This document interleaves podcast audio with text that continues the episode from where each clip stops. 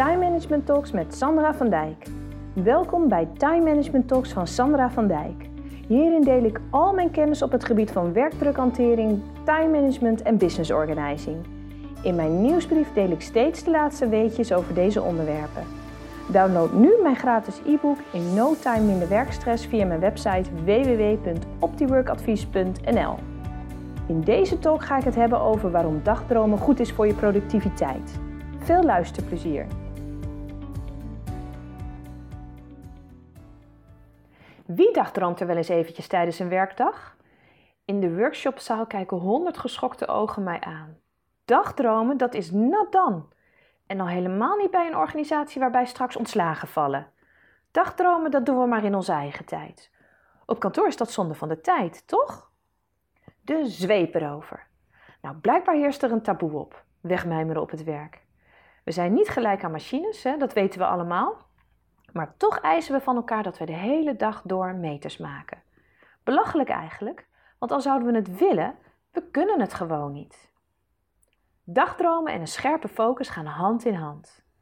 Daniel Levitin stelt in zijn boek Een opgeruimde geest dat dagdromen een natuurlijke staat is van onze hersenen. Naast het hardwerkende centraal regelsysteem, de blijf bij je taakmodus, kennen onze hersenen ook een dagdroommodus. Tijdens deze modus komen zo nu en dan een stroom losjes aan elkaar verbonden beelden en gedachten voorbij. Zonder obstakels en zonder call for action. Het is of het een of het ander. Deze staat van zijn van de hersenen werkt tegengesteld aan elkaar en sluit elkaar over en weer uit. Dagdromen geeft een kick. Een mooi neveneffect van dagdromen is dat het een verkwikkend effect heeft. Na de hand voelen we ons weer zo fris als een hoentje. Dat is mooi meegenomen, toch? Hulde aan de dagdromers. Bazen zouden eigenlijk hun dagdromers op een voetstuk moeten plaatsen. Waarom?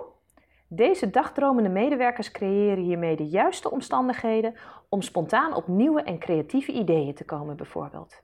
Fijn als innovatie een speerpunt is. Even dagdromen schijnt ook ons empathisch vermogen te versterken. Goed voor de onderlinge samenwerking. En even dagdromen haalt de druk van de ketel van het centraal regelsysteem. Het voorkomt dat je hyperfocust en te veel energie verbruikt aan al dat zware denkwerk. Uitermate gunstig voor het onderdrukken van werkstress en het jezelf verliezen in de tijd.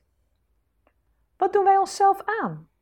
Als de dagdroomtoestand een natuurlijke staat is van onze hersenen, is de manier waarop wij ons werk vaak inrichten op zijn minst opmerkelijk te noemen. Wat voor erbarmelijke omstandigheden creëren wij voor onszelf? We vliegen van afspraak naar afspraak, eisen uren volledige concentratie van onszelf en anderen, bestoken elkaar met urgente mailtjes en telefoontjes. Niks niet dagdromen, de zweep erover. En als we dan toch even een momentje voor onszelf hebben, dan checken we onze social media. Daar gaat ons laatste vleugje dagdromen. Maak dagdromen mogelijk, zou ik zeggen. Ik pleit voor meer loze momenten tijdens een werkdag. Ruim baan voor de dagdroomtoestand.